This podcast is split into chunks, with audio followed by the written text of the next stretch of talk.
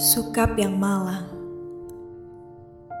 Senja yang kau kirimkan sudah ku terima Kukira sama lengkap seperti ketika engkau memotongnya di langit yang kemerah-merahan itu.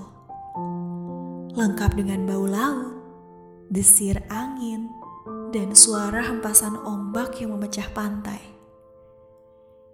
Ada juga kepak burung-burung lambaian pohon-pohon nyiur dalam kekelaman Sementara di kejauhan, perahu layar merayapi cakrawala dan melintasi matahari yang sedang terbenam. Aku pun tahu suka. Senja yang paling keemas-emasan sekalipun hanya akan berakhir dalam keremangan menyedihkan. Ketika segala makhluk dan benda menjadi siluet, lantas menyatu dalam kegelapan. Kita sama-sama tahu keindahan senja itu, kepastiannya untuk selesai dan menjadi malam dengan kejam. Manusia memburu senja ke mana-mana, tapi dunia ini fana suka. Seperti senja, kehidupan mungkin saja memancar gilang gemilang, tetapi ia berubah dengan pasti waktu mengubah segalanya tanpa sisa, menjadi kehitaman yang membentang sepanjang pantai, hitam, sunyi, dan kelam. Rupa-rupanya dengan cara seperti itulah dunia ini mesti berakhir. Senja yang engkau kirimkan telah menimbulkan bencana tak terbayangkan. Apakah engkau tahu suratmu itu baru sampai 10 tahun kemudian? Engkau tidak akan tahu suka. Seperti juga engkau tidak akan pernah tahu apa yang terjadi dengan senja yang kau kirimkan ini. Senja paling tidak berharga dalam hidupku. Senja sialan yang paling tidak mungkin diharapkan manusia. Senja ini baru tiba setelah 10 tahun karena tukang pos yang jahil itu rupanya penasaran dengan cahaya merah keemas-emasan yang memancar dari amplop itu sukap. Cahaya itu telah mengganggunya semenjak ia menggenjot sepeda dari kantor pos. Berkilau-kilau dan memancar di tas surat yang tergantung di boncengan sepeda. Begitu rupa sehingga cuaca siang hari menjadi kacau. Angin menderu, dan ombak terdengar menghempas-empas meskipun ia bersepeda mendaki Bukit Kapur. Demikianlah, maka ia suatu ketika berhenti. Dari dalam tas itu terdengar suara-suara. Ia buka tas itu dan ia melihat amplop Federal Express yang sudah tidak putih lagi, melainkan merah keemas-emasan sukap seperti senja dengan matahari terbenam di balik cakrawala. Tukang pos itu mengambil amplop tersebut. Menimang-nimangnya agak berat juga. Maklumlah, bukankah amplop itu berisi senja, Sukap? Senja dengan matahari merah membara yang turun perlahan-lahan di balik cakrawala. Seperti semua senja yang ada di balik kartu pos. Tapi yang kamu kirimkan itu bukan kartu pos Sukam. Yang kau kirim itu senja di tepi pantai dengan hempasan ombak, bau laut, dan air yang asin. Kamu pikir berapa ton beratnya pasir di sepanjang pantai itu, Sukam? Kira-kira sedikit dong. Masih lumayan tukang pos itu kuat menggenjot sepedanya meski mendaki Bukit Kapur. Buset. Kalau anak-anak kecil tahu ada matahari terbenam di dalam amplop itu lantas bagaimana? Kau tahulah Sukap. Anak-anak di daerah Bukit Kapur begini tidak punya mainan yang aneh-aneh seperti di kota. Mereka hanya tahu kambing dan kerbau, ikan dan belut, sungai dan jagung. Nasi saja jarang mereka sentuh. Anak anak-anak yang tidak pernah tahu mainan robot berjalan dengan cahaya di dadanya yang berkedip-kedip, pasti akan penasaran sekali dengan cahaya senja yang memancar berkilauan. Merah dan keemas-emasan itu, Sukap. Mereka memang tidak pernah melihatnya, Sukap. Karena tukang pos itulah yang telah mendahului mereka. Ia menimang-nimang bungkusan berisi senja itu. Mendengar-dengarkan dan akhirnya mengintip. Tentu saja, di dalam amplop itu dilihatnya senja sukap. Senja terindah yang paling mungkin berlangsung di muka bumi. Ia mengintip dan terpesona. Ia buka amplop itu. Sebetulnya Menurut kode etik profesi itu tidak boleh. Tapi manusia mana pun bisa melakukan kesalahan, bukan? Ia buka terus amplop itu dan melihat senja dengan langit merah keemas-emasan di dalam sana. Di mana mega-mega berpancar seperti perahu di danau. Memberikan perasaan nyaman dan tenang. Siapa yang tidak suka merasa nyaman dan tenang di dunia ini, suka? Di sebuah dunia yang sudah miskin pasti bersimbah darah pula. Maka jangan salahkan tukang pos itu, Sukap. Jika ia kemudian menjadi begitu penasaran dan memasuki senja yang terbentang. Tidak ada yang tahu apa nasib waktu ketika anak-anak akhirnya berkerumun di sekitar sepeda yang tergeletak itu.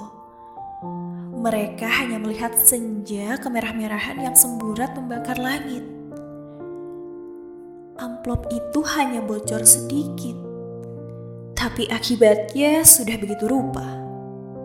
Ini semua gara-gara kamu, Sukap. Sukap yang malang, bodoh, dan tidak pakai otak. Sepuluh tahun lamanya tukang pos itu mengembara di dalam amplop. Kita tidak pernah tahu apa yang dilakukannya di sana. Apakah dia kawin, beranak pinak, dan bahagia?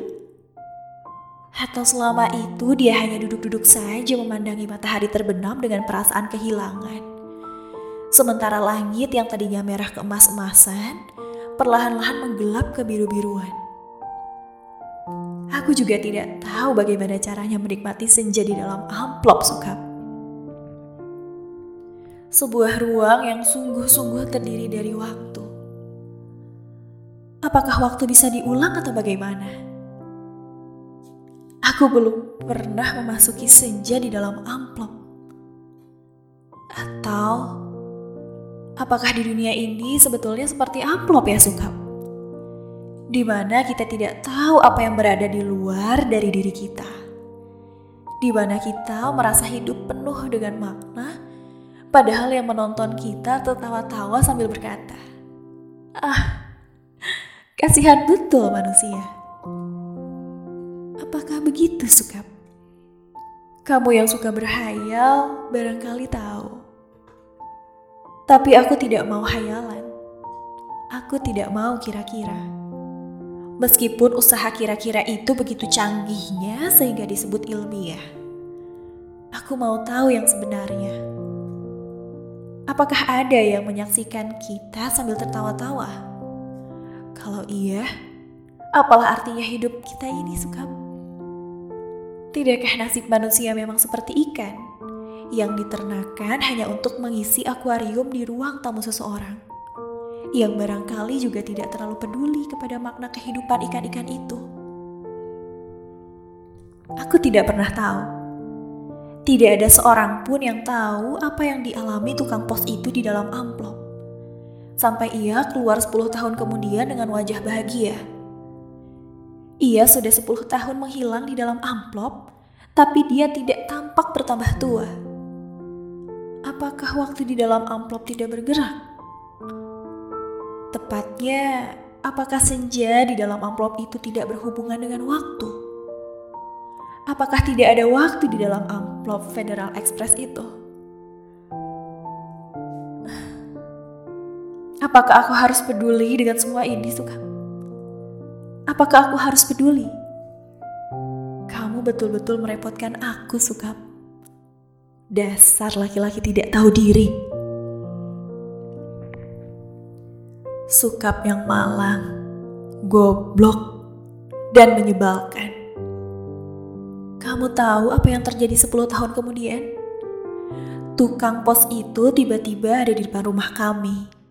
Ya, rumah kami. Setelah 10 tahun, banyak yang terjadi dong Sukap. Misalnya bahwa aku kemudian kawin, beranak pinak, dan berbahagia. Jangan kaget. Dari dulu, aku juga tidak mencintai kamu, Sukap. Dasar bego. Dikasih isyarat tidak mau mengerti. Sekali lagi, aku tidak mencintai kamu. Kalau aku toh kelihatan baik selama ini padamu, terus terang, harus kukatakan sekarang. Sebetulnya aku cuma kasihan. Terus terang, aku kasihan sama kamu, Sukap. Mencintai begitu rupa, tapi tidak tahu yang kamu cintai sebetulnya tidak mencintai kamu.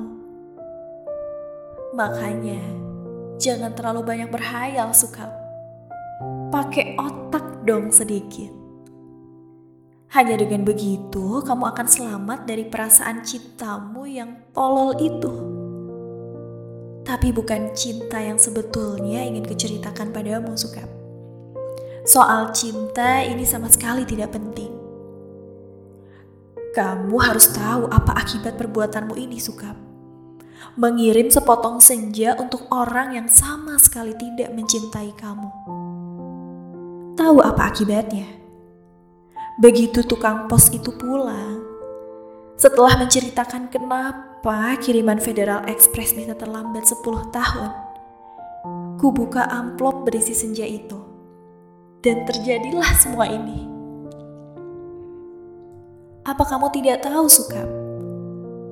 Senja itu meski cuma sepotong, sebetulnya juga semesta yang utuh.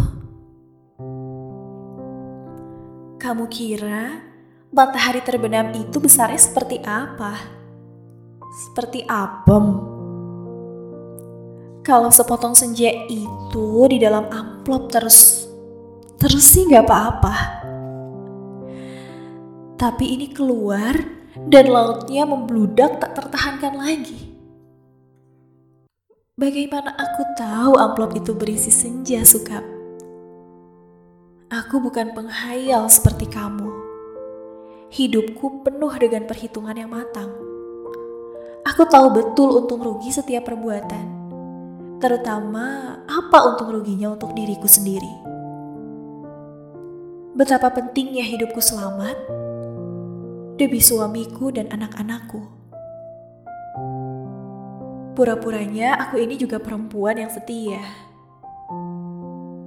itu pula sebabnya, sebelum maupun sesudah kawin, aku tidak sudi berhubungan dengan kamu, Sukap. Lagi pula, aku tidak mencintai kamu. Mau apa? Tapi kamulah yang tidak tahu diri, mengirim senja tanpa kira-kira. Dunia ini jadi berantakan, tahu? Berantakan dan hancur lebur tiada terkira. Setelah amplop itu kubuka dan senja itu keluar, matahari yang terbenam dari senja dalam amplop itu berbenturan dengan matahari yang sudah ada. Langit yang biru bercampur aduk dengan langit kemerah-merahan yang terus-menerus berkedap, menyilaukan karena cahaya keemas-emasan yang menjadi semburat tak beraturan. Senja yang seperti potongan kue menggelegak Pantai terhampar seperti permadani ini di atas bukit kapur. Lautnya terhempas langsung membanjiri bumi dan menghancurkan segala-galanya. Bisakah kau bayangkan, Sukap?